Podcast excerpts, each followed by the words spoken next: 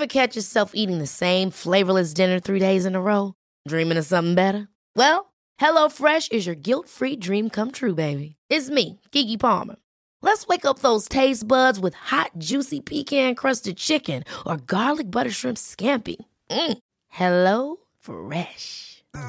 Stop dreaming of all the delicious possibilities and dig in at HelloFresh.com. Let's get this dinner party started.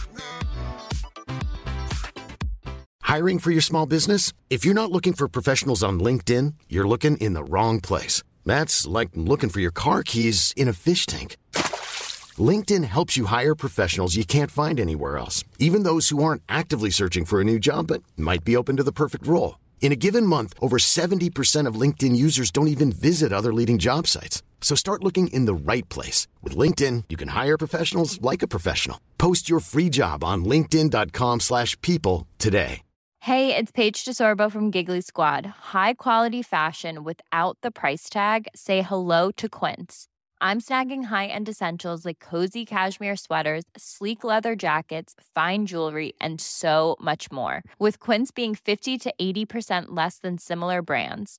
And they partner with factories that prioritize safe, ethical, and responsible manufacturing. I love that. Luxury quality within reach. Go to quince.com slash style to get free shipping and 365 day returns on your next order. Quince.com slash style.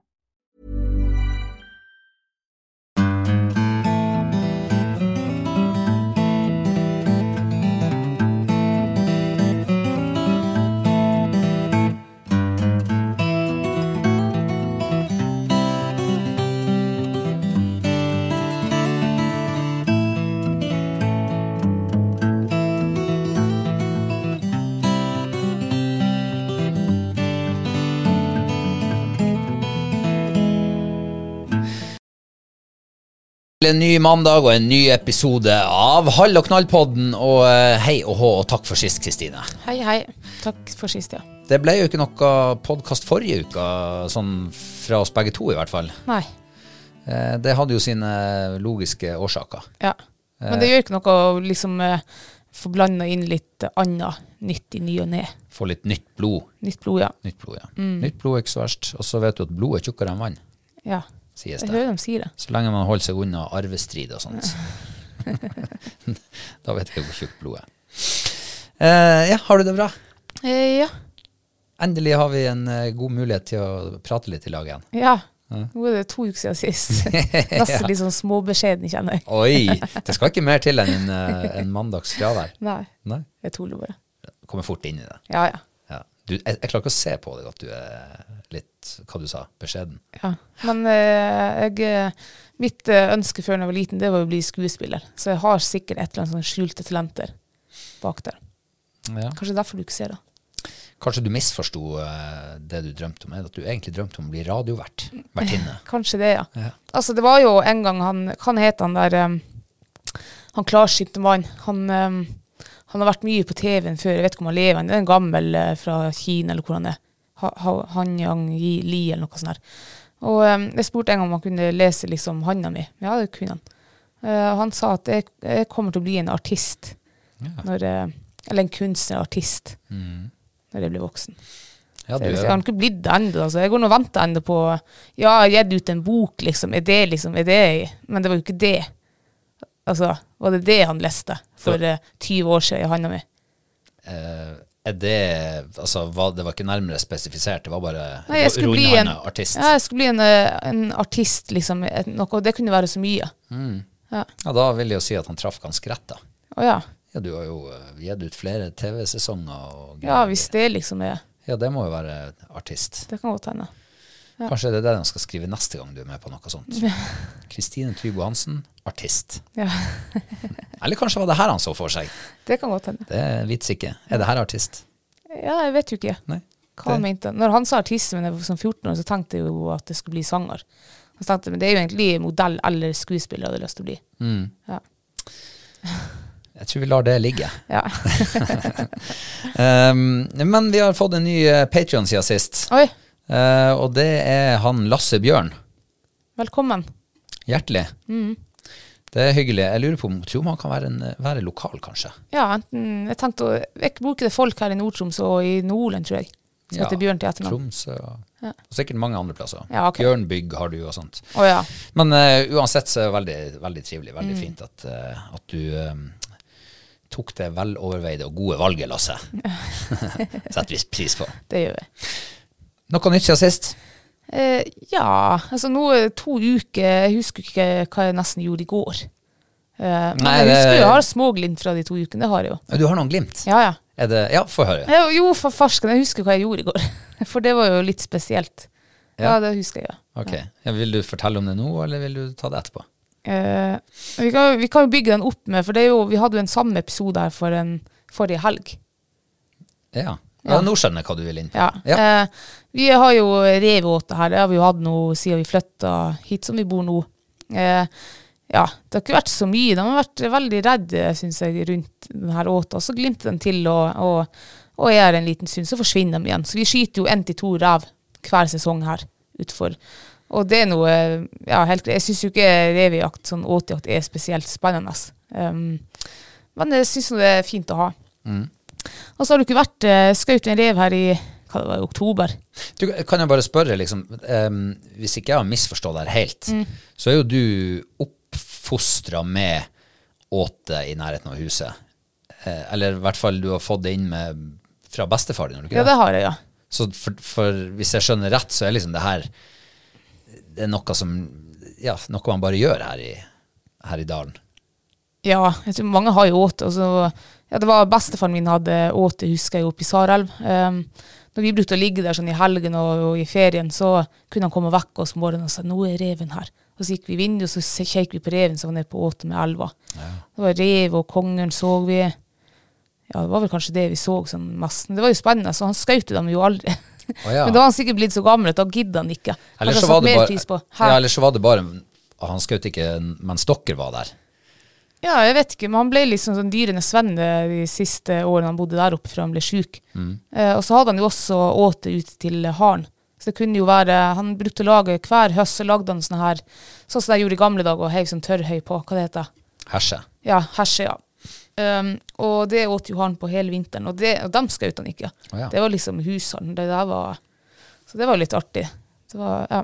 Så eh, om det er derfor det liksom ikke syns liksom det er noe wow å, skyte rev på åta, for at det aldri ble skutt en rev på åt når du vokste opp, det vet jeg ikke. Men det er jo, jeg sy- altså det er jo uh, De fleste ser jo aldri ville dyr, liksom. Nei.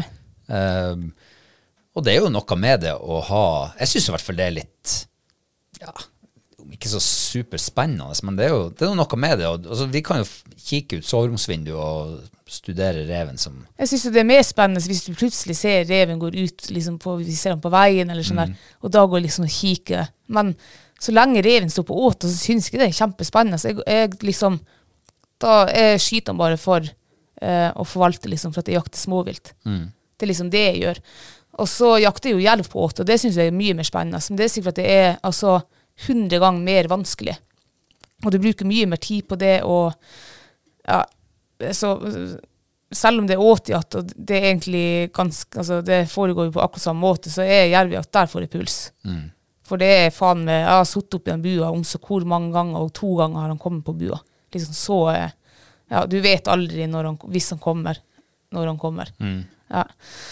Men i hvert fall eh, Tilbake så- til den reven. Ja, ja reven. Vi har skutt eh, maks to per sesong. Eh, Jeg ser jo at det kanskje har hjulpet litt på, på Eller jeg vet jo ikke om det er sikkert bare tilfeldig, men det er jo første gang i sommer jeg har sett orrfugl her i skogen. eh, Flere ganger enn én gang. Eh, Så ja, det er derfor jeg har åte, da, for å ta ut rev. Det er veldig, altså det har blitt nesten sånn oppblomstring av rev nå denne sesongen. Det, jeg ser rev og revespor overalt. Det har jo vært veldig mye smågnagere de siste to årene. Ja. Jeg tipper jo at det har noe med det å gjøre. garantert at det har noe med å gjøre. Eh, og da, ja, revekullene klarer seg jo bedre, og, og det blir flere og flere. Um, men i hvert fall, eh, jeg kom jo Ja, det som var oppfølgende, det var forrige helg på fredagen. Så uh, hakk jeg opp denne reinen fra har at uh, pinnfrosen hel rein, det kommer ikke dyrene på. Og det er liksom sånn jeg har mata i ja, alle år, og så har jeg strødd på med matrester. Men nå er jeg blitt så forbanna lat, jeg gidder ikke å gå ut med de matrestene. De går heller i søpla. Så men jeg for nå ut og tok øksa med meg og hakka opp eh, reinsdyra. Fikk sånn at vomma liksom kom ut og spredde utover, og så hakke litt av ryggen og liksom heiv utover. Og dagen etterpå eh, så var jeg nede på butikken, det var lørdagen. Kom hjem eh, sånn i halv to-to-tida. Det var enda litt sånn lyst, sånn skjømt. Kom, parkerer bilen der og går ut av bilen, slamrer igjen to ganger eh, dør. Um, og så ser jeg hva i faen er det som er på åta.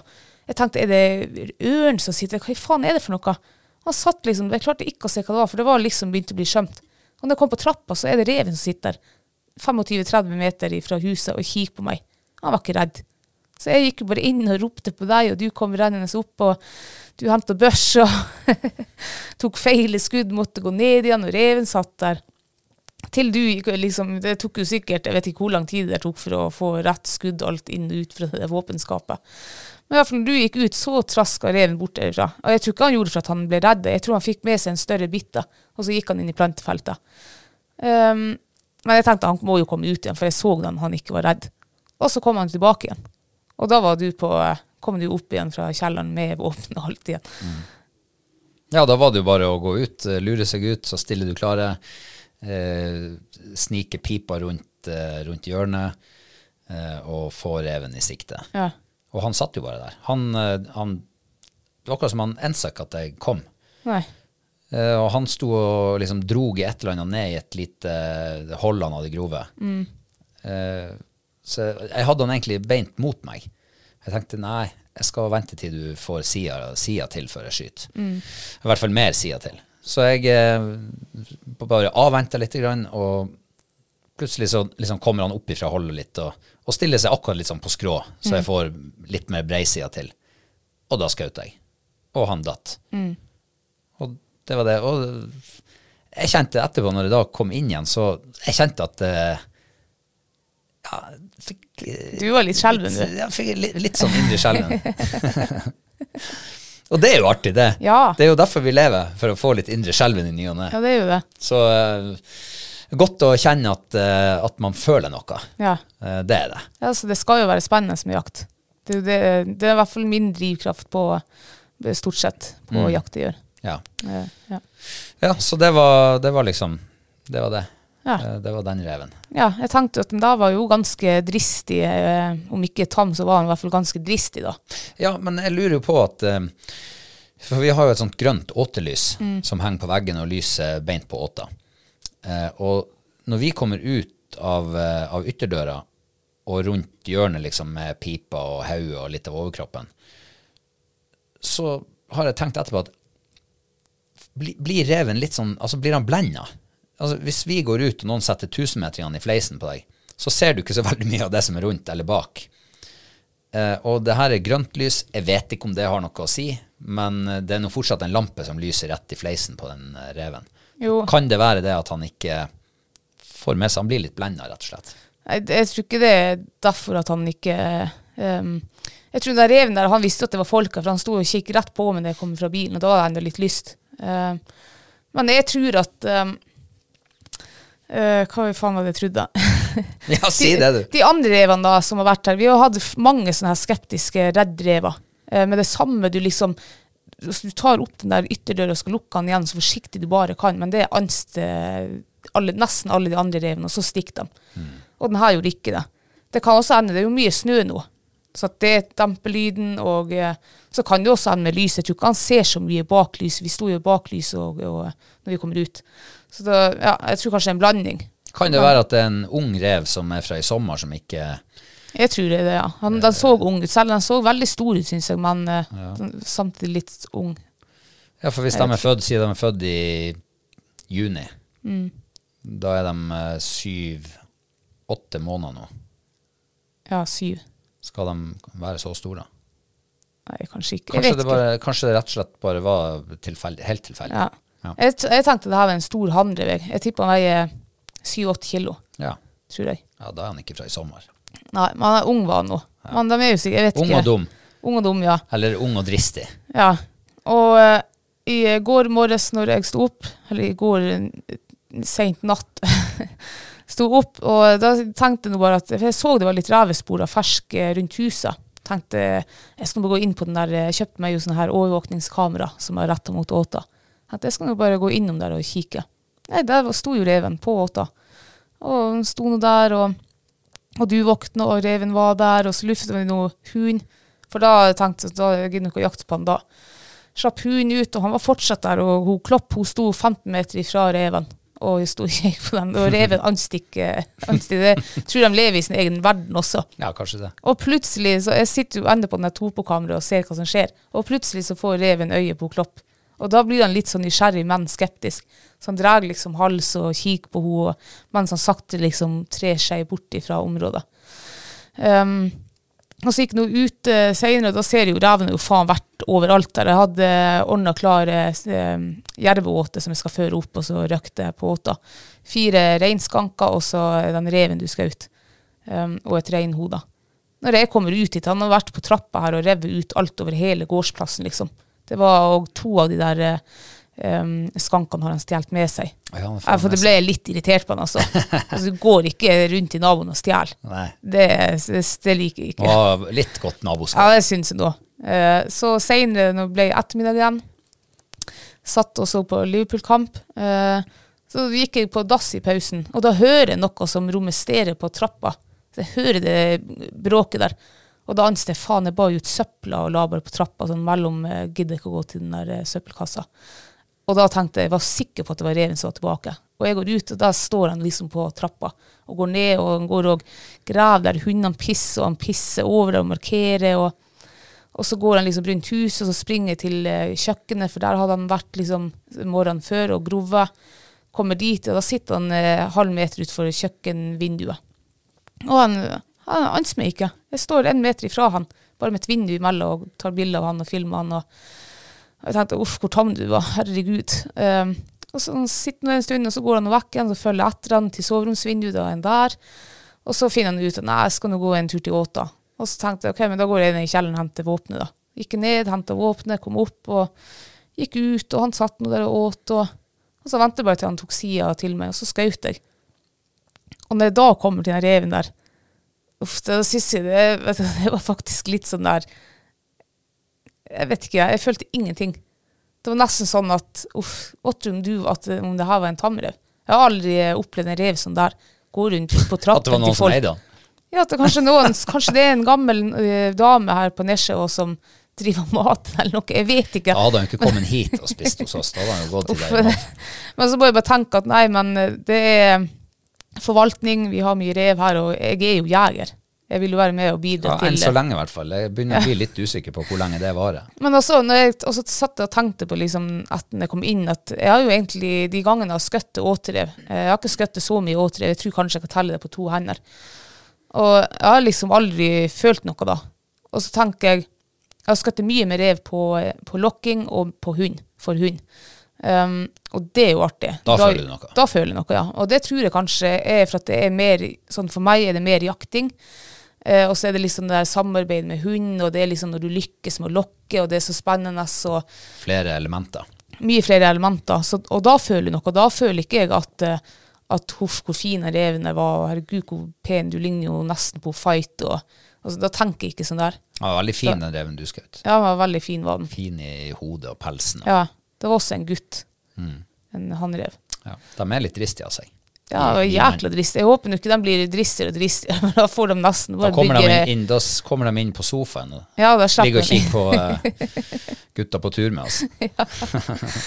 Kanskje, det- ja, kanskje hundene våre får seg noen nye venner. Ja, kanskje det.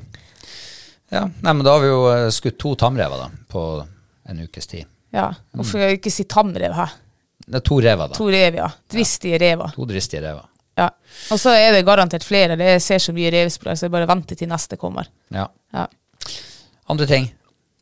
Eh, ja, så vi, det har jo vært eh, to uker med eh, mye dyreliv rundt huset vårt. Ja vel. Ja, for vi kom jo Ja. Forrige helg så var vi og sjekka Mårfellen. Um, det var for øvrig ingenting. Det var Jo, ingen mår.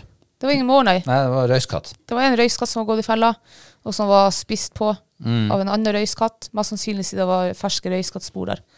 Og så var det jo faktisk eh, mårsporet på den ene fella. Han hadde vært eh, liksom opp på stammen der, men han hadde ikke gått i. Men da vet nå i hvert fall den måren om den fella. Ja. Eller han vet hvert fall eh, Jeg håper ikke han vet om fella. Nei, han vet at det er mat inni fella Ja, ja, hvis han blir sulten.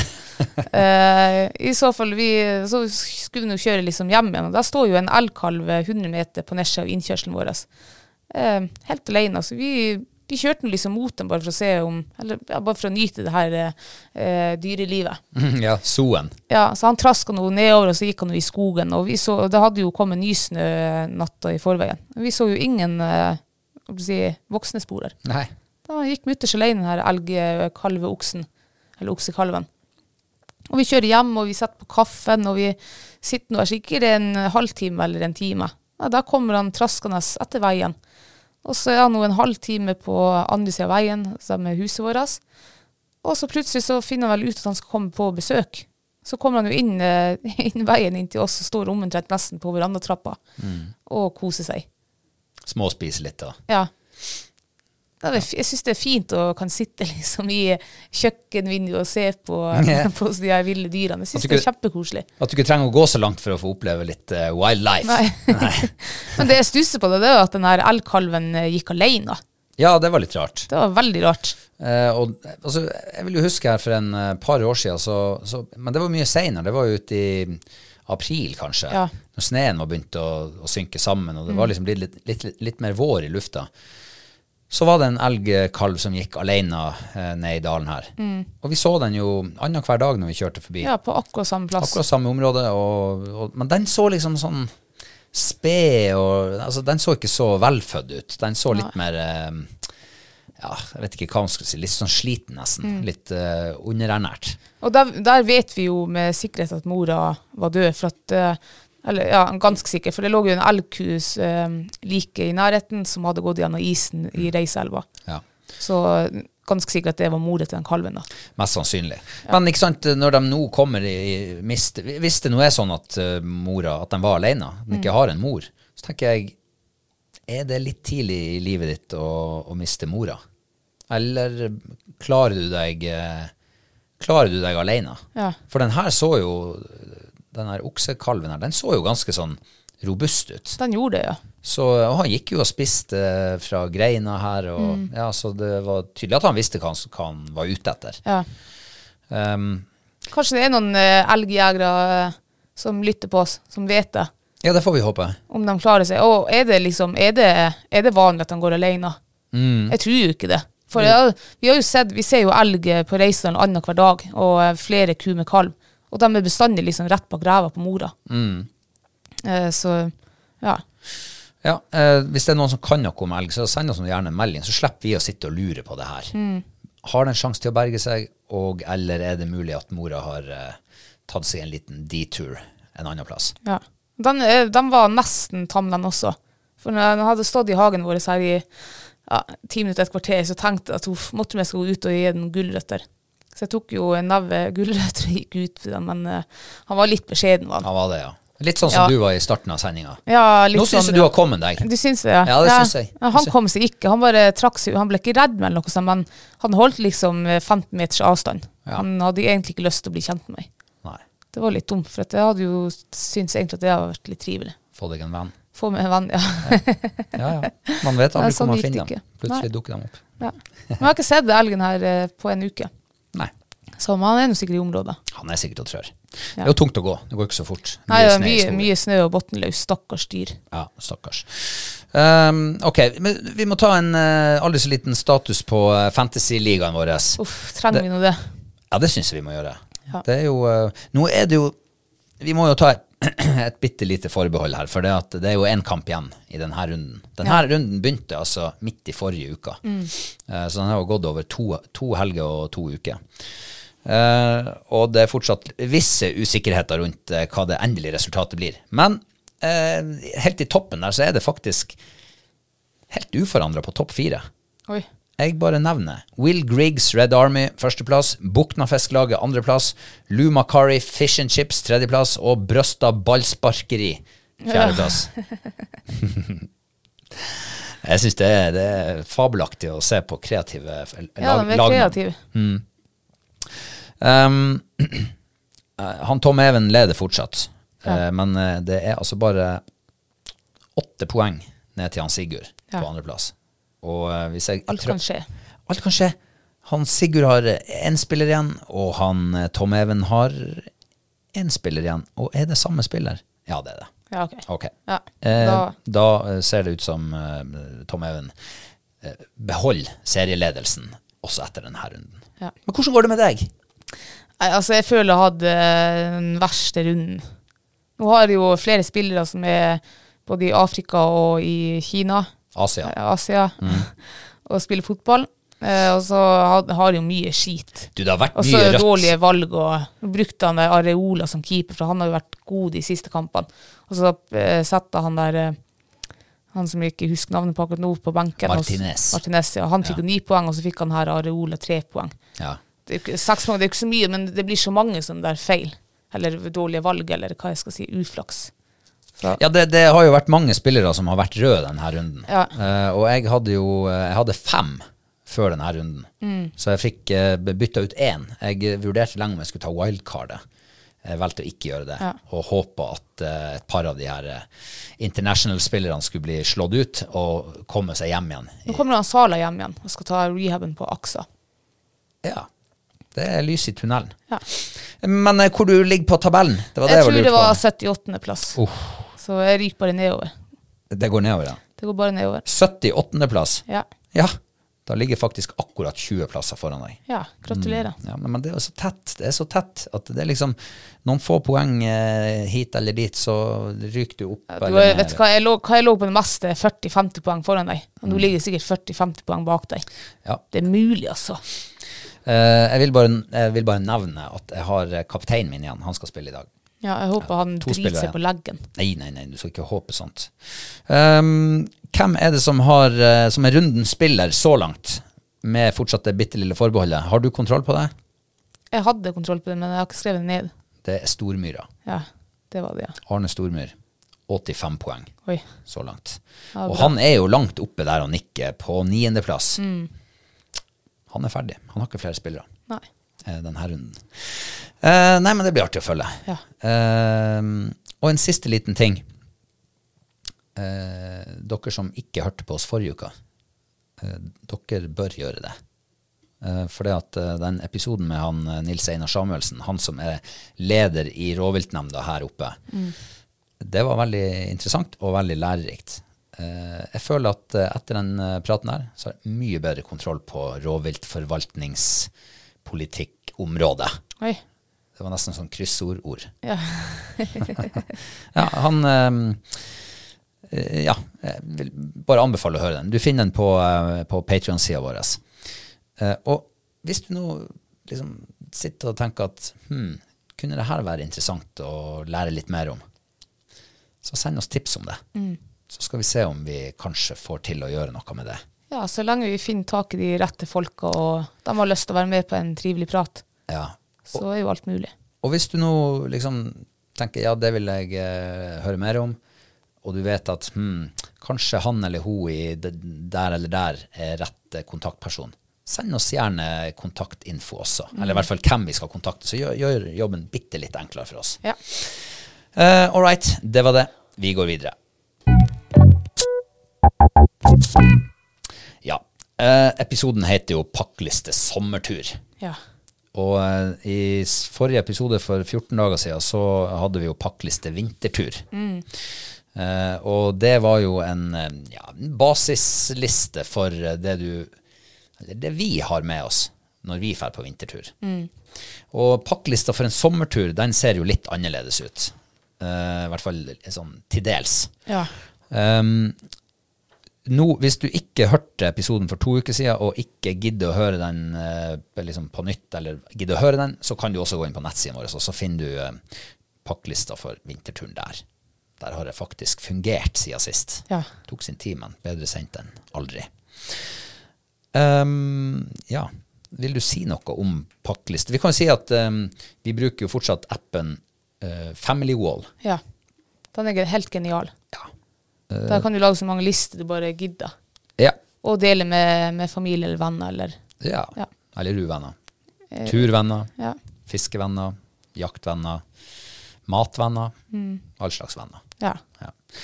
All right. Hva er forskjellen på sommer- og vinterturpakklista vår, sånn i grove trekk? Den største fordelen det er vel at eh, sommersekken den veier betraktelig mye mindre enn vintersekken. Mhm. Ja. Det er mye mer eh, light eh, weight på sommeren. Ja, vi er jo på, på sommeren, da er vi gramjegere. Ja, for da, sant, da går vi, da har vi ikke pulken eller hunden foran som trekker på ski, eller altså det er Ja. Jeg må- gidder ikke å gå med en 25 kilo sekk når jeg kan gå med en 10 kilo sekk.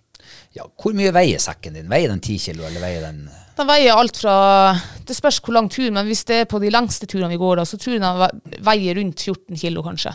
Ja. Ja. Eh, og det trodde jo jeg også at min gjorde. Eh, for jeg veide den jo uh, en gang i fjor sommer. Da veide den 13 kilo, drøyte, og så uh, oppdaga jeg jo etterpå at shit, jeg har jo glemt ting. ja. Ja, Sånn som håv og hva mer var det, drikkeflaske du ikke hadde oppi da? ja det var i hvert fall noe som veide mer enn ubetydelig. Eh, så at den nå sikkert nærmer seg en ja, 15, 14,5-15, ja kanskje. Ja. Men, men ikke sant, vi har jo snakket om det før, de tre V-ene. Vekt, volum og verdi. Ja. Dem, eh, det prinsippet der henter vi fram på sommeren. Ja. Eh, har det ikke verdi nok og veier for mye, så blir det stort sett hjemme. Ja. Så det vi har eh, på den pakklista her, det har bestått eh, Det har bestått eh, prinsippet de tre V-ene. ja, stort sett. Ja. Det er veldig enkle ting på denne vi eh, skipper hjemme. Hvis vi f.eks. ikke har planer om å steke fisk på turen. Så trenger vi ikke å ta med stekepanne og krydder og sånn der. Ja. Ja. Uh, og så erfarer jeg jo at veldig ofte så går For at når vi pakker, så pakker vi jo mat sånn at det skal vare til hele turen. Eh, vi, tar, vi tar ikke sjansen på å ikke få fisk. Så mat veier en del. Ja, det gjør det. Uh, det gjør det, men man kan jo gjøre det så lett som mulig. Skal vi begynne på toppen? Ja. Da har vi jo eh, Ja, sekken er jo en selvfølge. Ja, det- ja. Og oppi sekken da har vi jo med oss sommertelter. Ja, hva er det slags telt? Ja, det er et eh, faunatelt. Eh, tremannstelt. Eller firemannstelt. Ja, fire, for farsken, vi har jo firemannstelt, ja.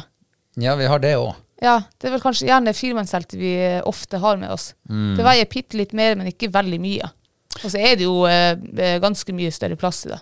Ja, og det er der, der kommer jo ikke sant, eh, de tre V-ene inn. Ja. Ok, det veier litt mer, men hva er det du får av verdi? Ja, du får litt mer plass å boltre det i. Mm. La oss si at ofte når vi er på fjellet, så er det jo eh, i hvert fall en eller, eller nesten hele turen, så er det drittvær. Og så har du noen timer med godt vær, og da er du ute av det teltet der. Ja. Så det er jo greit å ha litt plass da når du sitter inne og det hamrer ut, og det er torden og lyn, og det regner, og det Ja. Og så vil jeg jo bare legge til at eh, hadde det vært bare jeg og du som for på tur, så hadde vi nok sikkert berga oss med et uh, tomannstelt. Det hadde vi nok gjort, ja. Men vi har tre hunder med oss, oh, ja. uh, og der er der kommer forskjellen inn. For de Yes. tar mye plass, de òg. De gjør det, ja.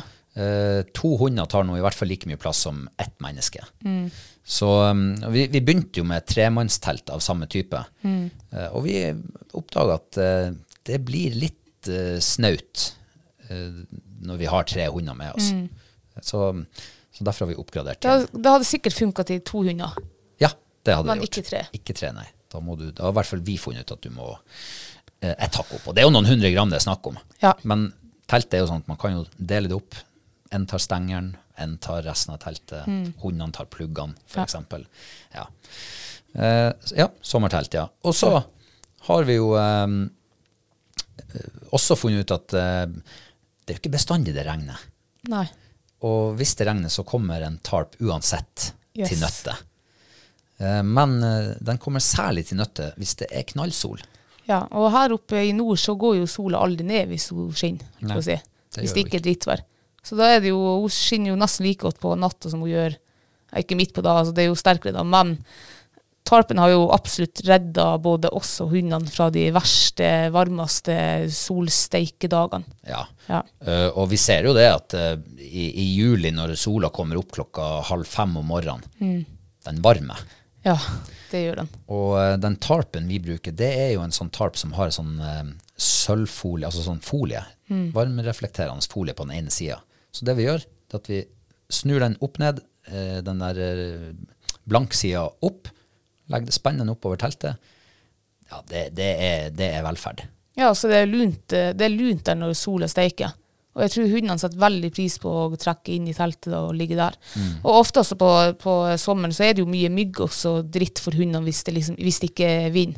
Hvis det er vindstille og sol. Eh, og hund, altså hundene skal ligge der lange dager ute i den solsteiken med masse mygg. Eh, Og og klegg. ja, ikke minst. Det Jeg er kanskje tror faktisk- kleggen som er verst på når sola står oppe. Det virker som at hundene blir mest stressa av klegg. Mm. Eh, Mygg, den er ikke så Og den, vi bruker jo sånn her eh, Spot. Spot, ja. Ja, det funker jo greit, det. Ja, Ja. mot mygg. Yes. Uh, så tarp Jeg tror den veier 700 gram, den her. Ja, den er absolutt verdt å ta med. Den har veldig høy verdi, Mm. så den er blitt med. Eh, nå har jeg aldri prøvd vanlig tarp, sånn uten sånn der sølvfolie på. Men det aner meg at den også vil eh, hjelpe på. Hvis du, I hvert fall hvis du får spent den litt opp, sånn at den ikke ligger nedpå teltet, sånn som vi bruker å gjøre med våre tarp. Mot sol, tenkte du? Mot sol, ja. Ja, Jeg har sett noen som bruker det, ja. men jeg har aldri prøvd det sjøl. Altså, vi begynte jo med eh, to jervenduker eh, og spente dem, altså glida dem fast til hverandre Mm. og snudde den opp, men det var jo dobbel vekt av eh, det vi har nå. Ja. Så, eh, så Og så var den mye kortere enn det gjør nå. litt for liten, ja. Litt for liten. ja. Så kjøp i så fall en tarp som passer til teltet. Hvilken tarp er det vi har? Husker du? Bushman. Bushman. Ja, Ja, jeg er fornøyd med den. veldig fornøyd. Og så har vi jo med oss sommersoveposene. Mhm. Det er også lettvekts eh, dunposer. Ja. Hvor mye veier de? Jeg tror min veier 300 gram eller noe. Er det ikke det? Eller det er 300 gram dun i den. Ja, det er det. Mm. Eh, Så den er vel sånn bortimot rundt et halvt kilo, tipper jeg, totalt. Ja, kanskje. Men fordelen med en dunpose, det er jo at, eh, også på sommeren, det er jo at du kan jo komprimere den veldig. Mm. Har du en sånn, eh, sånn som jeg brukte i før i tida, en sånn syntetpose, så den Den tok jo halve sekken. Ja, den er veldig mye større, Ja. og tyngre også. Ja, det er den. Så en lettvekts dunpose anbefales. Ja. Og så har vi jo oppblåsbare liggeunderlag. Vi gidder ikke å ligge på steiner. Så det er jo veldig fint til å ha det, for da kan du eh, hvis, hvis du kommer fram og det her, og det her er en skikkelig fin teltplass, og så er det liksom grus der. Ja, men det gjør ikke noe, for vi har eh, oppblåsbare liggeunderlag med oss. Mm. Istedenfor de her tynne, sånn de der matten. Og veldig ofte på fjellet på sommeren så er det jo eh, Det er ofte en fordel å ligge opp på en høyde. Eh, og i hvert fall i våre områder så er det jo eh, ofte rein som har gått og Jeg vet ikke hva de gjør, graver oppå sånne her eh, Ja. morenerygger og sånt. Så det blir veldig ofte mye grus. Eh, og der oppe er litt svalere. Det er litt mer vinddrag. Ja. Du, ofte så holder mygga lettere borte der enn nede i en delle. Og så har du litt uh, oversikt også. Ja, ikke minst. Det er fint. Man må speide litt. Ja. Og så har vi med oss i tillegg til eh, Så har vi sitteunderlag med oss i sånn sk- skum. Ja. Um, Hvorfor er de med egentlig i tillegg? Jeg vet ikke. Til hundene, kanskje. Å, ja. Hundene ligger på dem, tror jeg. Ok. Og så sitter vi jo på den sjøl. Sånn. Ja, altså For min del så er de jo med for at uh, når vi ligger rundt et bål, så er det jo veldig ugunstig hvis du ligger med oppblåsbart, og så får du en gnist på den. Ja, ja. Så for min del så er det, det er derfor jeg har den med sånn hovedsakelig. Ja, ok. Tenker du ikke på andre enn meg sjøl? Nei. Sitter, hvis, så lenge det ikke er grus, så sitter, kan jeg bare sitte rett på bakken. Det har hun bestandig gjort. Men jeg tror hundene liker å ligge på de her på, inni teltet. Ja. Um, ja, og så har vi jo eh, ja, hodepute, oppblåsbar. Jeg tror den- min veier kanskje 200 gram, men det er absolutt verdt å ta med og hive i sekken. ja, og så er det egentlig feil å si at vi har det med. For ja, du for har det er det jeg som har det med. Ja.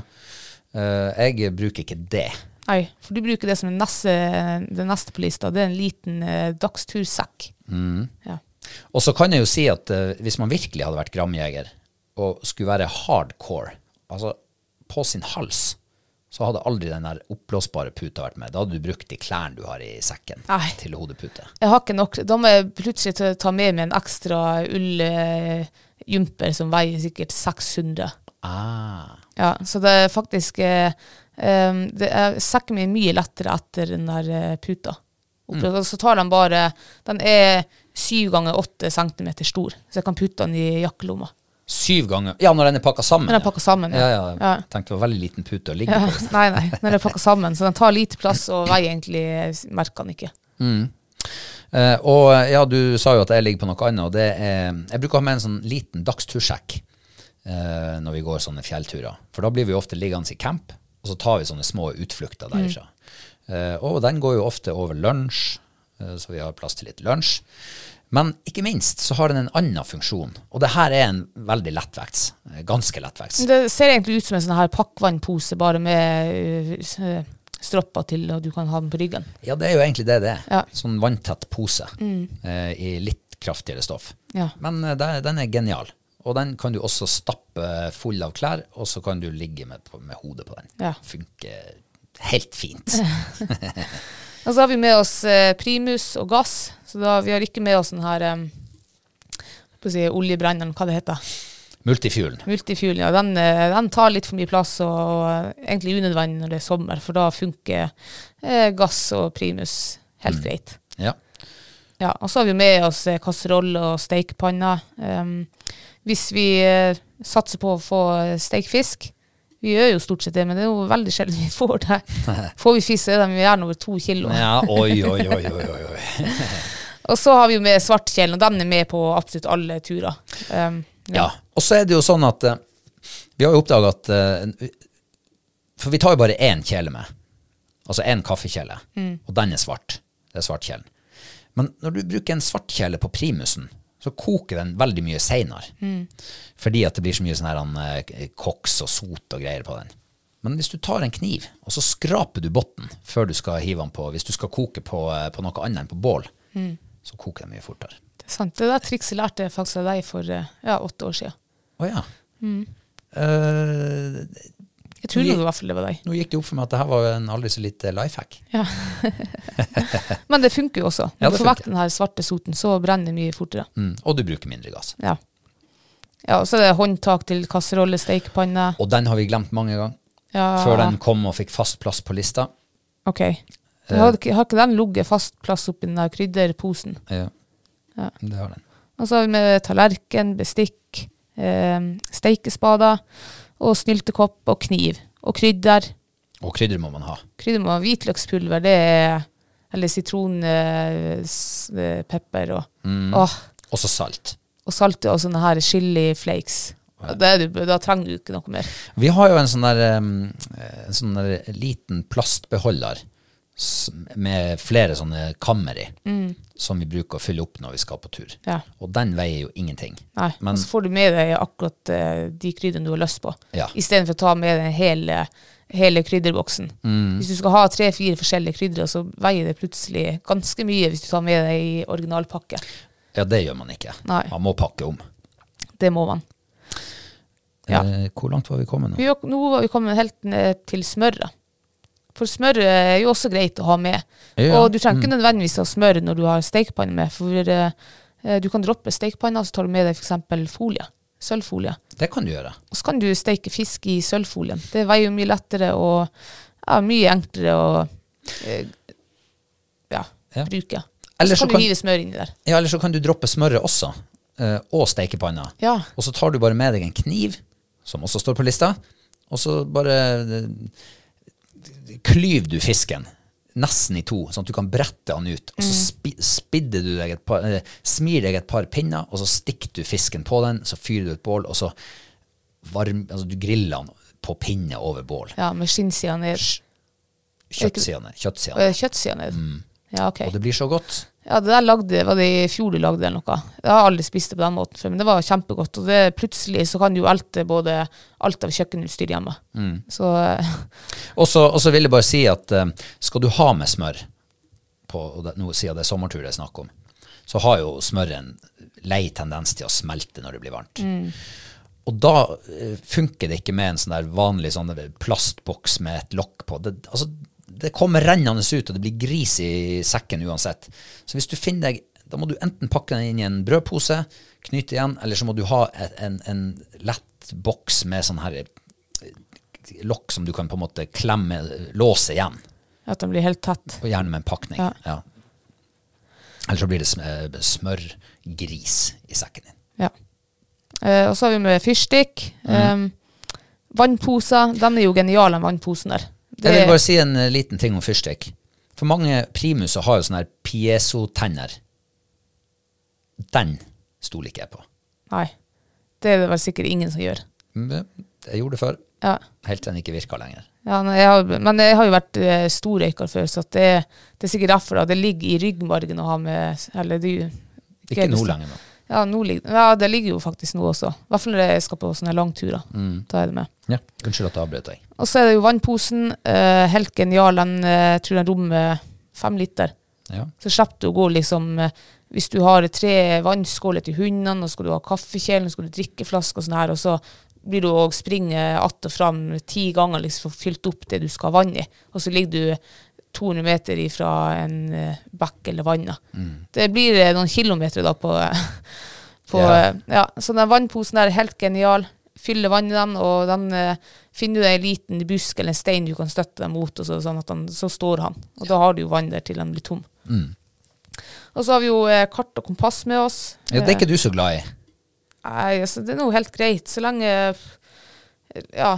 Jeg bruker jo ikke det sånn, men jeg syns det er trivelig av og til å se at du ligger der og kikker på akkurat de samme vannene og samme områdene på samme plassen det, år etter år etter år. Ja. Det, er det kommet noen nye vann på det kartet, eller? Eh, nei, men jeg skal i hvert fall vite hvor de er hvis jeg skulle trenge å gå dit. De har ikke flytta på seg, nei. Nei, de har ikke, flytta ikke på kartet, i hvert fall. For det er jo samme kartet som jeg har hatt i alle år. Ja, Ja, vet jo det. Så du tenkte, Men det er jo en annen- du egentlig kunne det kartet her uten at noe. Jo, men det er jo noe med det å ha det der manuelle orienteringssystemet Ja. også. Så det, det, det Ja. Ja, det, jeg skjønner det. Eh, og så har vi jo førstehjelputstyr med, og den eh, ja, inneholder kanskje litt plaster og eh, Paracet og eh, denne brannsalve. Rumpesalve. Ja, det, har du hatt det med, ja? Ja. Ja, for du blir jo så Du er så skitten i ræva når du er på, på Nei, jeg, nei, det blir jo ikke skitten. Men det kan jo Altså, for alle dem som har hatt vondt i ræva, så er det forferdelig når du er på tur. Ja. Det er nesten som å være solbrent i, på kroppen. ja, så jeg vet jo egentlig ikke hva du snakker om, sånn sett, men, men så det å ha en, en god universalsalve som eh, lindrer litt uh, smerte og, Ja. og pleier huden, oh, det er velferd. Og det trenger ikke være rare tuben, det er ikke så mye som skal til. Nei. Og så har jeg egentlig, vi, vi har jo noe skrevet litt sånn i parentes, for den er litt uh, i, i tillegg til den her eh, basislista da. Men det er hvis vi, det, og det er powerbank. Ja. Og det er hvis vi skal, eh, vet at vi skal ligge lenge på fjellet, og vi mest sannsynlig kommer til å bruke telefon mye til ja, filming eller bilder. bilder. det er jo ikke bestandig vi tar så mye bilder, men, eh, men da ryker, særlig med filming, så ryker strømmen fort. Eh, så Ja, så er det også på lange turer, hvis det er meldt eh, litt dårlig vær på noen av de dagene, så syns jeg det er trivelig å ligge i teltet og høre på Spotify. Ja. Og den drar også mye strøm. ja, det gjør det. Og eventuelt hvis du skal spille sjakk med Magnus Carlsen. Ja, for det, det kan du også. gjøre uten dekning. Det kan du gjøre uten dekning, ja. Så det er greit å ha powerbank med. Ja, Og så har vi jo fjellskoene med oss, de er jo gjerne på oss når vi går. Ja, og denne lista er jo liksom for å bare huske å hive ting i bilen Ja. Mm. når vi pakker hjemmefra. Eh, det har hendt at vi har måttet snudd og kjørt tilbake og hente skoene, fordi at de sto ikke på lista. uh, og så har vi um, Helinox-stol, uh, shorts. ja, og shorts, det syns jeg er deilig å gå i. Ja, Uh, når det er varmt, så syns jeg at å ta på seg shorts, det er så luftig. yes. Og så har vi dasspapir, og det syns jeg er deilig å tørke meg med. Og så har vi søppelposer. Hva, hva er alternativet der til dasspapir, egentlig? Jeg tenker, det virker som at vi skal gi en kommentar til uh, hver uh, sånn greie som vi leser nedover. Så tenkte nå bare å gi en kommentar til det dasspapiret. Men det er kanskje det du ikke bruker, siden du blir så sår i ræva når vi er på tur. Nei, men jeg vil si en ting, da. Ja. Nå blir det veldig eh, bak-ende-tematikk her. Ja, Men uh, har du prøvd å vaske deg i ræva noen gang? ja du lærte meg det i fjor. Herregud, Gud, det var var deilig. Ja. Altså, det er spa på fjellet. ja, det er faktisk det. Litt sånn kjølig i vannet. Du får nesten sånn, det er samme følelse når du skal I hvert fall husker før når jeg var såpass tøff at jeg torde å gå ut i Reiseelva i tolv 12 plussgrader. Altså, så du vet akkurat det du skal gå fra liksom eh, livet og så opp til magen, så får du sånn Ja. Sånn får jeg når jeg skal vaske ræva mi på Sette meg ned på huk der i vannkanten.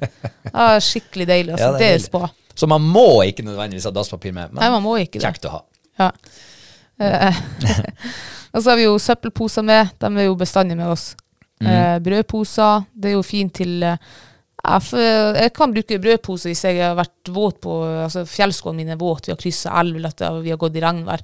Så har jeg jo um, brødposer, så hiver jeg dem over føttene mine, og så kan jeg gå om enten i crocs eller ja, hva det måtte være, eller i fjellskoene.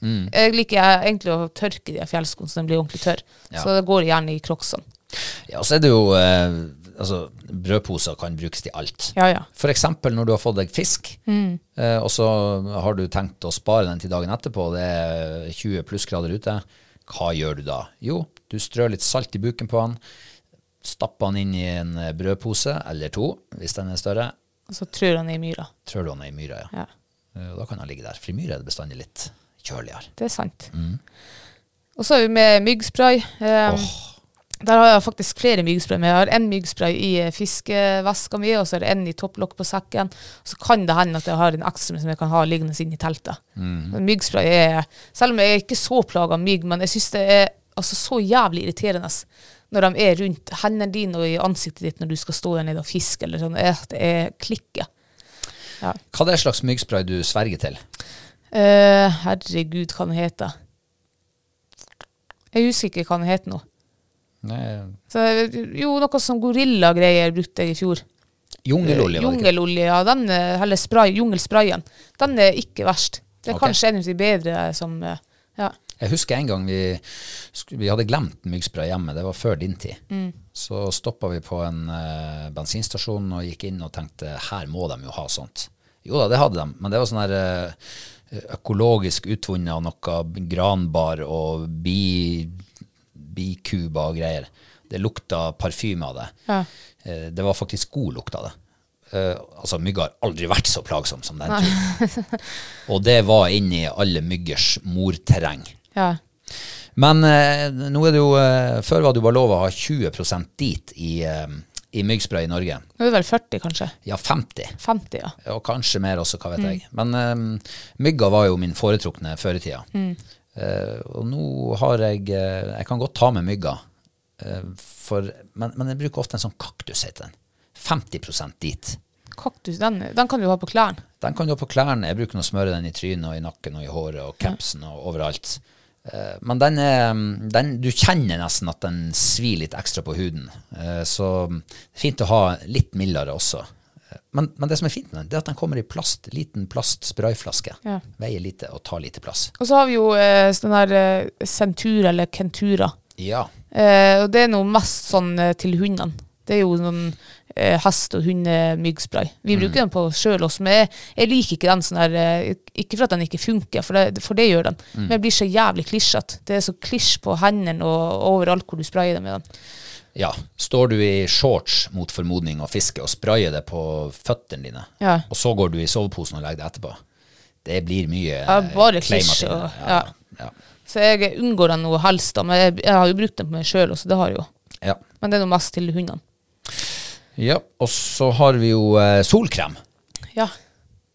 Jeg har heldigvis aldri blitt ordentlig solbrent på fjellet, men jeg kan tenke meg hvordan det er. ja, det har jeg blitt. Du det har er det. helt jævlig. Ikke sant? Ja. Så derfor er den viktig. Ja. Jeg har ikke skjønt det egentlig før jeg ble i lag med deg at solkrem var viktig. For en, enda da når jeg ble solbrent på fjellet, så spurte meg ikke liksom på neste tur.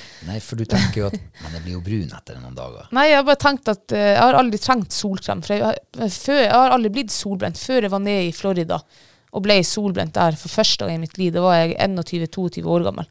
Før det har jeg aldri blitt solbrent. Nei. Så jeg tror huden min egentlig har takla sol veldig bra, og så til han fikk sånn solsjokk der nede. Og etter det har jeg blitt ømfintlig for sola. Ja. Altså sånn, blir ofte solbrent. Ja. ja, skal vi gå videre? Yes. Toalettsaker. Mm. Ja, må ikke bli glemt hjem, hjemme. Uh, vannflaske. Ja. Den er i sidelomma på sekken når vi går. Mm. Og den er med oss hele tida. ja. Vann må man ha. Det må man ha. Det er fint å fylle og ha i teltet også. Eh, min vannflaske er med stor kork, så det bare å Altså, det tar et halvt sekund å fylle den. Ja.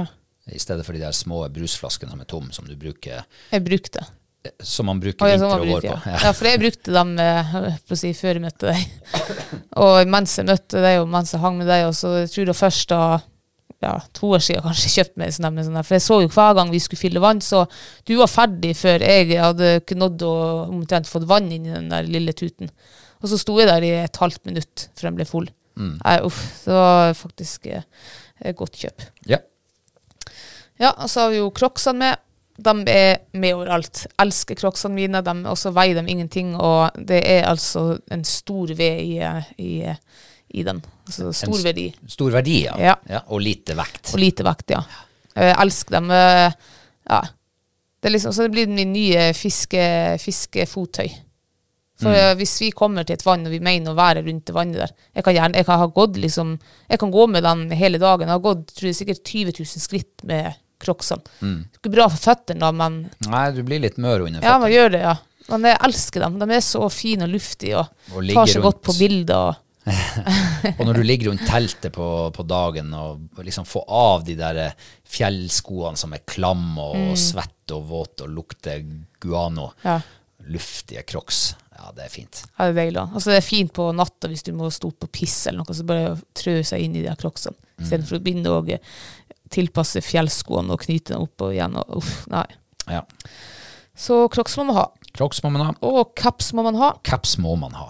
Det er spesielt hvis du eh, Eller er ene og alene egentlig når du står med vannkant og skal fiske. Det er jo der han sitt store, har sitt store potensial. For da jeg har jeg jo lært meg i løpet av eh, de her årene jeg har vært med deg, at da ser man jo fisken mye bedre, og det gjør man jo. Ja, det gjør man. Du får mindre lys inn på siden. Ja. Sniklys inn i brillene. Um, ja, og så er det litt over på sånn eh, spiselige greier som alltid er med på, på tur. Kaffe må vi ha, siden vi har kaffekjele med. Ja, det må vi ha bestandig. Den legger aldri igjen hjemme. Og der har vi jo faktisk gått ned fra veldig mye kaffe når vi begynte å gå på tur i lag, til i, veldig mye mindre. Ja. For, har jo, vi har jo lært litt også, altså gjort oss vant eller eller lærdom på de her turene, hvor mye kaffe vi egentlig drikker. Hvor mange kokninger vi gjør. Ja. Og det som vi har gjort nå de siste årene, det er at vi veier opp eh, kaffe og vakuumpakke i porsjoner. Ja. Så hvis vi vet at vi drikker to Vi koker to kjeler per dag, så trenger vi ikke å ta med oss en 500 gram med, altså en full pose med opp, for da blir jo halve posen blir jo med ned igjen. Og så er det veldig mye luft i de der ferdigposene. Ja. Så du får lufta bort når du vakuumpakker. Genialt. Og det som også er fint, er at du slipper å hver gang, på hver tur vi har vært oppe, så glemmer jeg hvor mye kaffe jeg hadde sist gang. Nå vet vi at det er liksom 60-70 gram på en kjele, og det har vi veid og målt og pakka igjen ferdig. Det er bra. Ja. Eh, og så tørrfisk, Ja. Hvis vi har tilgang på det, da. Ja. Men det er altså lett mat som er godt å ligge og snackse. Mm.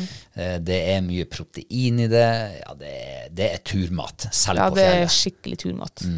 Og da kan man altså ta en halv fisk og spenne fast på sekken. Du merker ikke at den er der. Nei. Og den har mye verdi. Ja, den har mye verdi. Både for oss og hundene. Mm. Og så har vi med oss nøtter Ja. og turgodteri.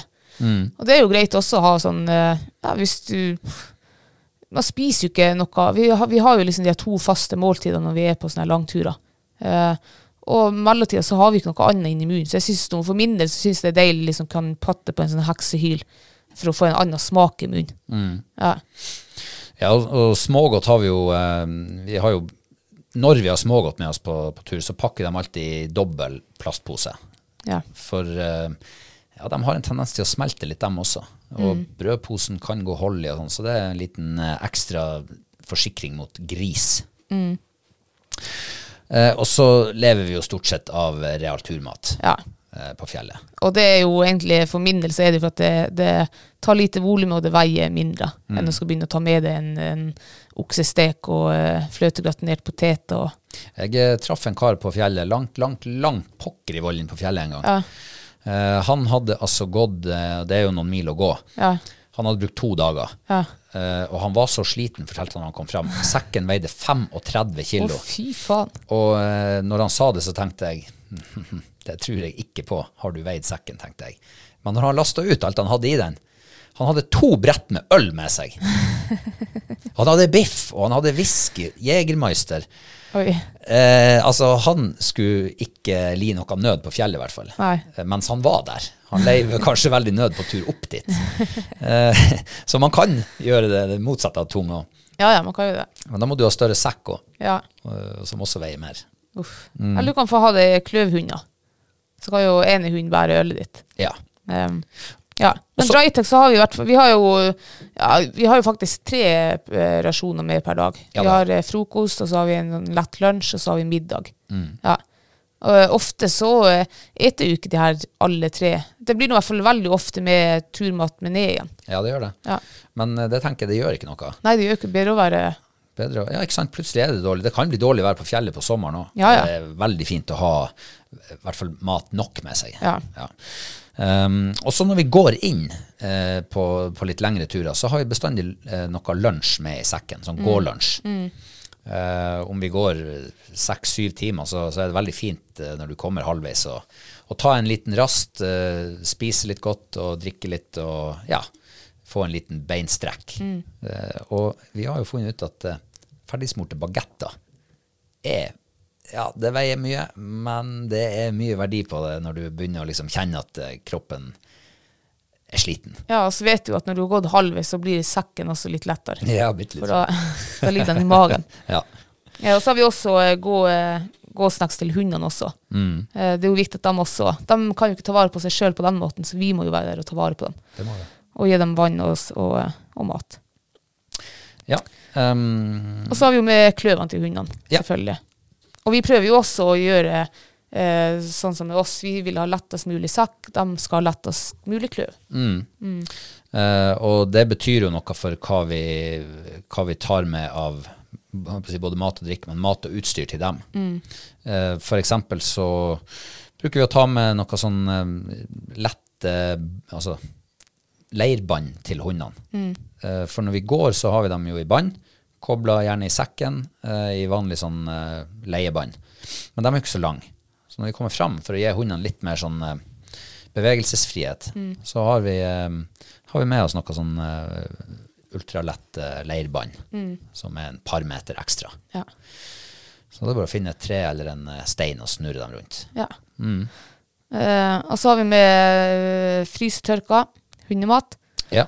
Og det veier jo eh, veldig mye mindre enn en det de ellers spiser. Pluss at det gir dem kanskje mye mer også per, liksom, eh, per 100 gram da, enn det de får. Og, og det veier vi jo her nede i porsjonspakker, gjerne mellom 110 til 120 gram. Og så eh, istedenfor å Dem vakumerer vi ikke, for det plasten veier jo faktisk eh, eh, mye. Så vi setter dem i brødposer, suger ut lufta og knyter dem hjem, og så klipper vi det som blir til overs. Ja. Og vi har jo faktisk spart en 70 gram på det, liksom. Ja, det, vi sparer tre gram per pose vi klipper av. Ja, Så, Så- det, det, det Alle monner drar. ja. ja. Og så er det mindre søppel også for å ta den med. Mm. Altså, du fyller jo nesten en Jeg skal ikke overdrive, men du, det går bra mye Det blir mye volum av de her um, leftovers. Ja, det gjør det. Det blir jo stort sett på en ukestur, en liten ukestur, så blir det gjerne et par, eh, par poser med søppel ned.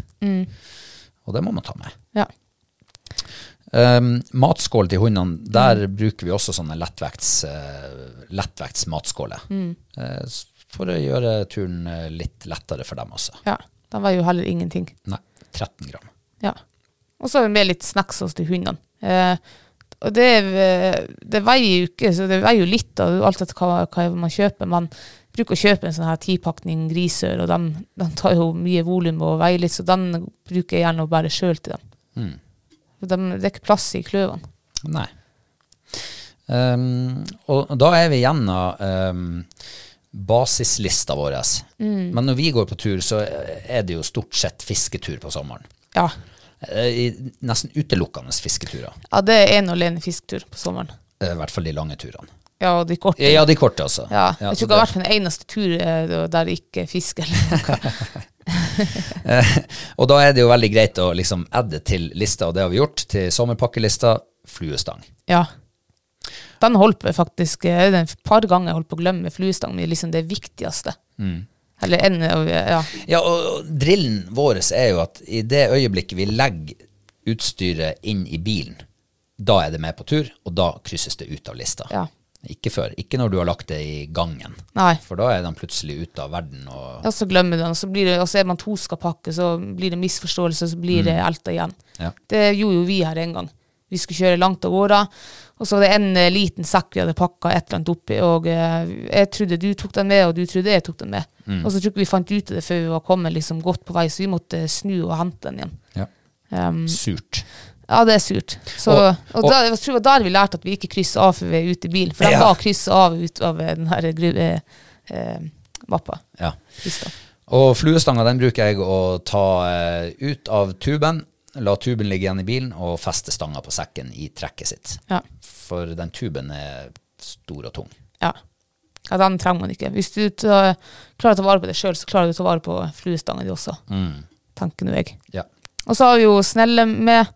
Eh, tror du også en gang vi for fra din snelle eller noe? Mm. Men så anser det tidsnok. Det var, ja, det var heldigvis ikke en sånn superlang tur.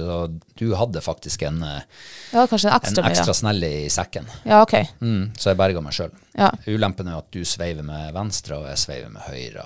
Ja. For jeg er høyrehendt. Ja, jeg er også høyrehendt, men ikke når jeg fisker. Da er du venstrehendt. ja. og så har vi jo fiskeveske med utstyr, og, og innen veska der så ja, har vi jo litt nødvendig. Jeg kan jo si at eh, når jeg er og fisker veinært, så har jeg en ganske stor, tung sånn der eh, rumpetaske-lignende eh, fiskeveske mm. med altfor mye greier i. Men når jeg drar på fjellet, så har jeg en sånn liten en sånn chestpack som du har på brøstet.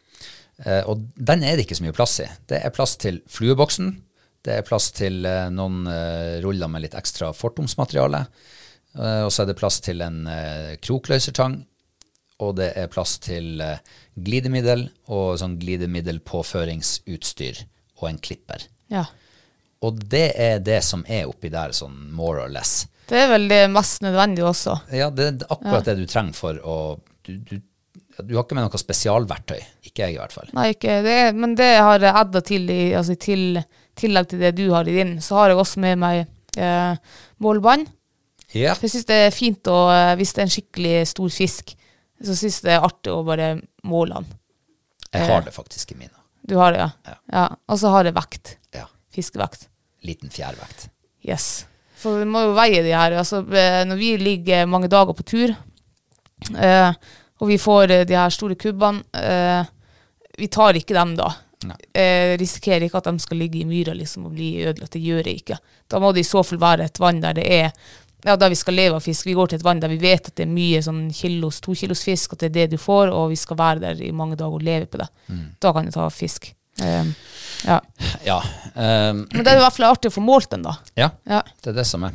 Um, og så må du jo ha med håv. Ja.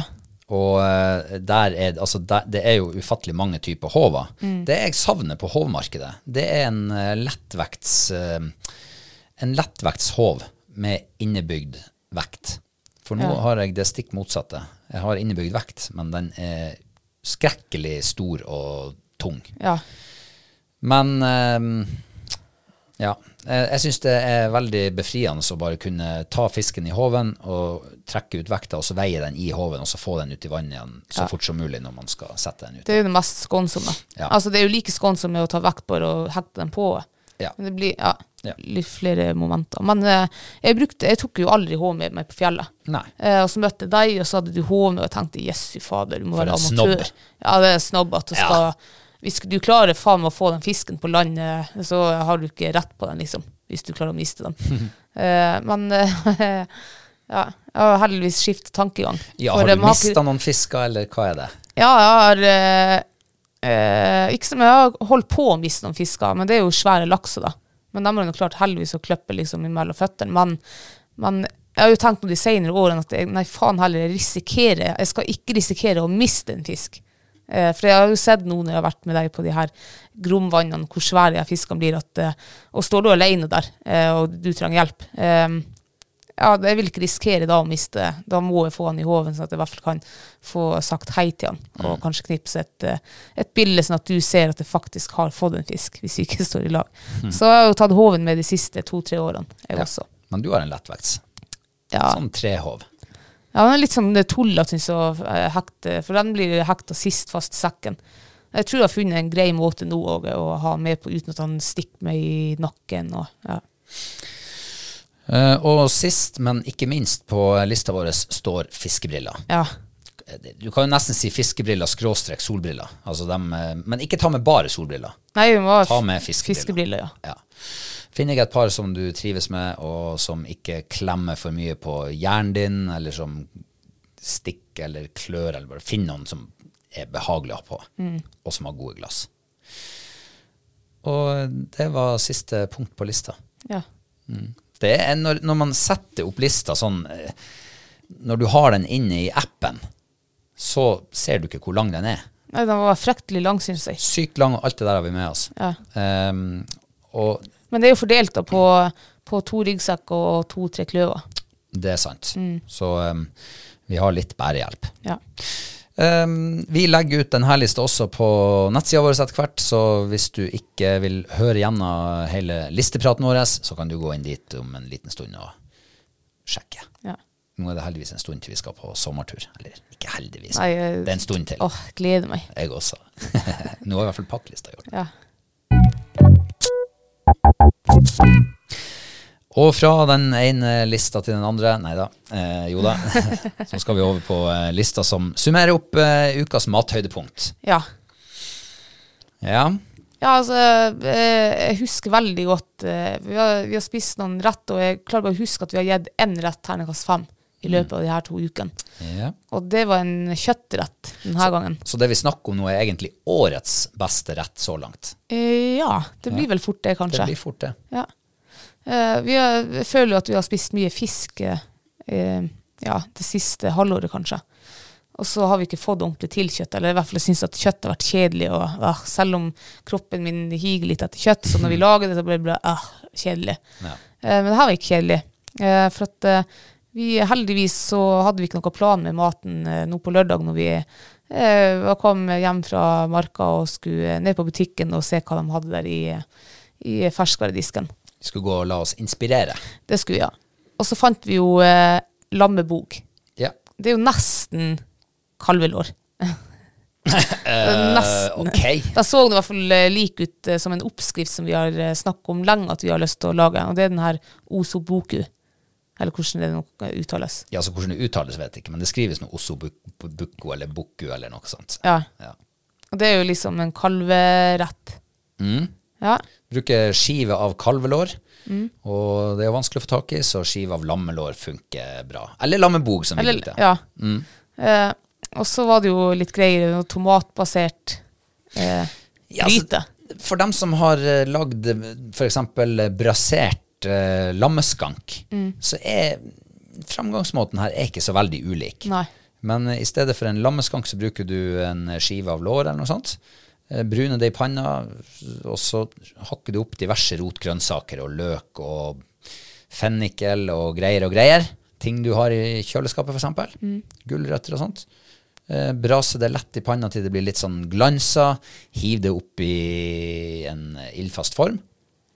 Eh, kjøttet likeså oppå der, etter at det er godt bruna. Kok ut panna med eh, hvitvin, og ha det i lag med grønnsakene oppi i den ildfaste formen. Kokte ikke den ut med sånn kalvefond også? Eh, Kjøttfond. Ja, det hadde du oppi i forma til slutt. Ja, ok. Eh, I lag med eh, bokstomat. Ja. Og så er det egentlig bare å hive det i ovnen eh, i to og en halv time cirka. Ja. Da er det ferdig. Koke seg sjøl. Ja. Kan du spille et slag yatzy mens maten lager seg. Yes. Og det her likte du. Ja, det var kjempegodt. Um, jeg, jeg er glad også i sånn tomatbasert ting. Aldri vært glad i tomat før de siste årene, så blir jeg bare mer og mer glad i det. Så jeg syns det her var fantastisk godt. Jeg vet ikke hva som Jeg husker ikke hva som kunne liksom ha tatt opp til seks, men det var ikke langt ifra en sekser. Kanskje det skulle ha vært kalvekjøtt. Kanskje det hadde vært eh, Kanskje. Jeg har aldri smakt kalvekjøtt. Ikke heller. Det hadde vært spennende. Ja. Men det var godt. Så det her er mathøydepunktet ditt. Det her er mathøydepunktet mitt. Jeg tipper at det er ditt også. Det er det. Nei, det var veldig godt. Jeg, jeg husker at vi har lagd det en gang før, men det er en stund siden. Jeg vet ikke om du husker det. Jeg husker det ikke, jeg. Husker ikke hvordan det ble, men det jeg vil huske er at vi kokte alt i Om vi gjorde det i panna, kanskje, på, på ovn. Jeg har et bilde av det. Eh, Det kan godt hende jeg husker feil. Men eh, til alle som ikke har prøvd oseboku, buku, buku. Prøv det. vi brukte oppskrift fra Gladkokken. Ja, Det var kjempebra. kjempebra. Og du trenger ikke nødvendigvis å ha absolutt alt som står i lista. nei. nei. Tar det du liker. Tar det du har. Ja. Mm. Nei, men eh, det det der var et veldig hyggelig bekjentskap. Takk for maten. Takk for maten.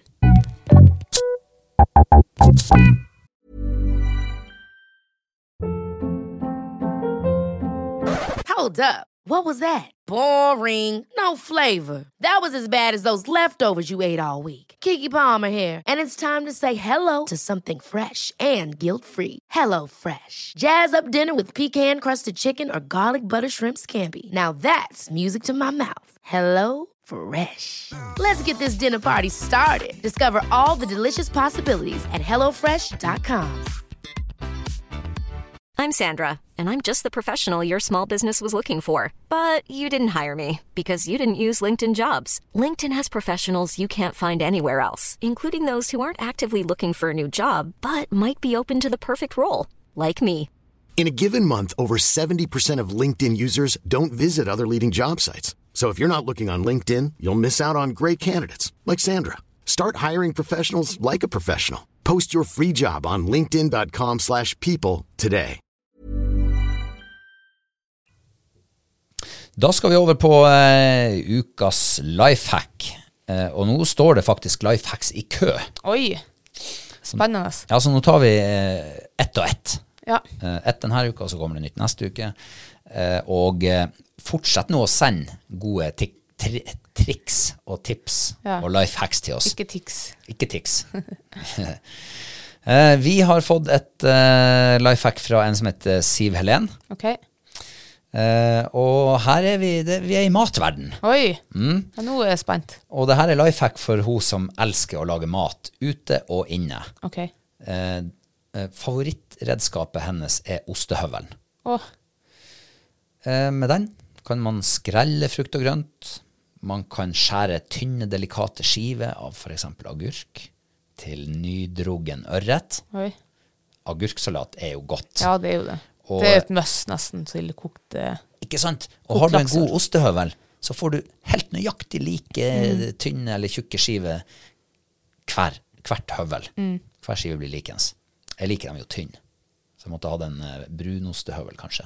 Ja. Eh, eller poteten til fløtepotet. Det har jeg ikke tenkt på. Jeg har brukt eh, ostehøvelen til de her tingene. Og eh, siste gang jeg brukte ostehøvel, det var faktisk når vi skulle lage gratinert potet en gang. Er det Eh, sant? Ja. Og da sto jeg med den der eh, Vi har to forskjellige ostehøvler. En gammel som det ser ut som eh, arvegods. Mm. Den skjærer ikke så godt, så jeg liker egentlig ikke å bruke den på osten, for jeg får, får nesten ikke skive den. Og så har vi en sånn nyere, en sånn svart, sånn sølv Ja, det er hvitostehøvelet. hvitostehøvel. Ja. Den gamle arvegodset, det er brunostehøvel. brun. ja, for den skjærer tynnere. Og Den skjærer tynnere, Ja. mer delikate skiver. Men jeg brukte i hvert fall den hvitostehøvelen da. På poteten, og jeg holder den jo liksom sånn inn i handa, og så skjærer jeg kjapt, for det går jo så fort, den er jo så skarp. Men jeg tror faen ikke jeg klarte å skjære meg på en ostehøvel. Du gjorde det, ja. Jeg klarte det. Så warning, Så- warning. Ja, så nå jeg tør jeg ikke å bruke ostehøvel. og da, nå blir det jo sånn hakkete, for jeg ble, jeg begynte å bli forsiktig etter det, liksom, og så ble det sånn her bølgegreie på den her, og ble, det tok så sakte. Uh, så jeg vet ikke om jeg, jeg må, nå, nå er det jo faktisk et år siden sikkert jeg brukte den. Kanskje jeg tør å ta den opp igjen nå da. Du må være forsiktig når du begynner å nærme deg fingrene. Ja, men jeg, tenker jo ikke sånn at Nei, en det, ostehøvel skal det, skjære jo, deg. det er jo ditt problem. Ja, ja. Du må tenke litt. Ja, jeg vet det. Uh, hun, eh, Siv Helen hun sier at ostehøvel med rifla er favoritten hennes. Å ja. Og da tenker jeg, apropos potet Vi har jo lagd potetgull noen gang sjøl, Mm. av hjemmelag av eh, hjemmedyrka potet. Men de blir jo helt sånn, sånn som Altså helt slett. Sørlandschips. Sørlandschips, ja. Ja. Men hvis du har rifla, så får du rifla potetflak. Å ja. Kanskje For det- kanskje jeg har aldri sett en sånn der uh, ostehøvel før. Nei, Visste ikke at det fantes. Jeg har sett det. Å ja, Mm. kult. Men kanskje, du da, kanskje du, det blir bedre chips hvis du skal lage det. Det kan jeg. Og så får du deilig stilig mønster på Ja. gulrota hvis du har raspa den. Eller Ser litt mer profesjonelt ut. Kanskje det, ja. Ja. Kanskje det upper opplevelsen av å spise Kanskje. det. Ja, du spiser jo med øynene også. Ja, du gjør det. Sivelen, takk for uh, matnyttig tips. Det må vi vel kunne si. Eh, husk å sende inn dere andre også som, som brenner inne med noe. Og det betyr at uh, herregud, du har vært pratsom i dag. vi er kommet til veis ende for i dag. Ja. Uh, ja, takk for at du har hørt på. Ja, takk. Og da høres vi igjen om en ukes tid. Det gjør vi. Ja. Nå skal vi ut og spore gaupe ut i, i løpet av denne uka. For vi har nemlig fått gaupejakt her. Det har vi fått. Så nå er det gaupesporing for alle penger. Vi må vite hvor de er. Yes. Eh, og vi håper at vi vet hvor du er mandag om en uke. Da sitter du og hører på neste episode av Hall og knall-podden. Ja. Takk for i dag. Takk for i dag. Ha det.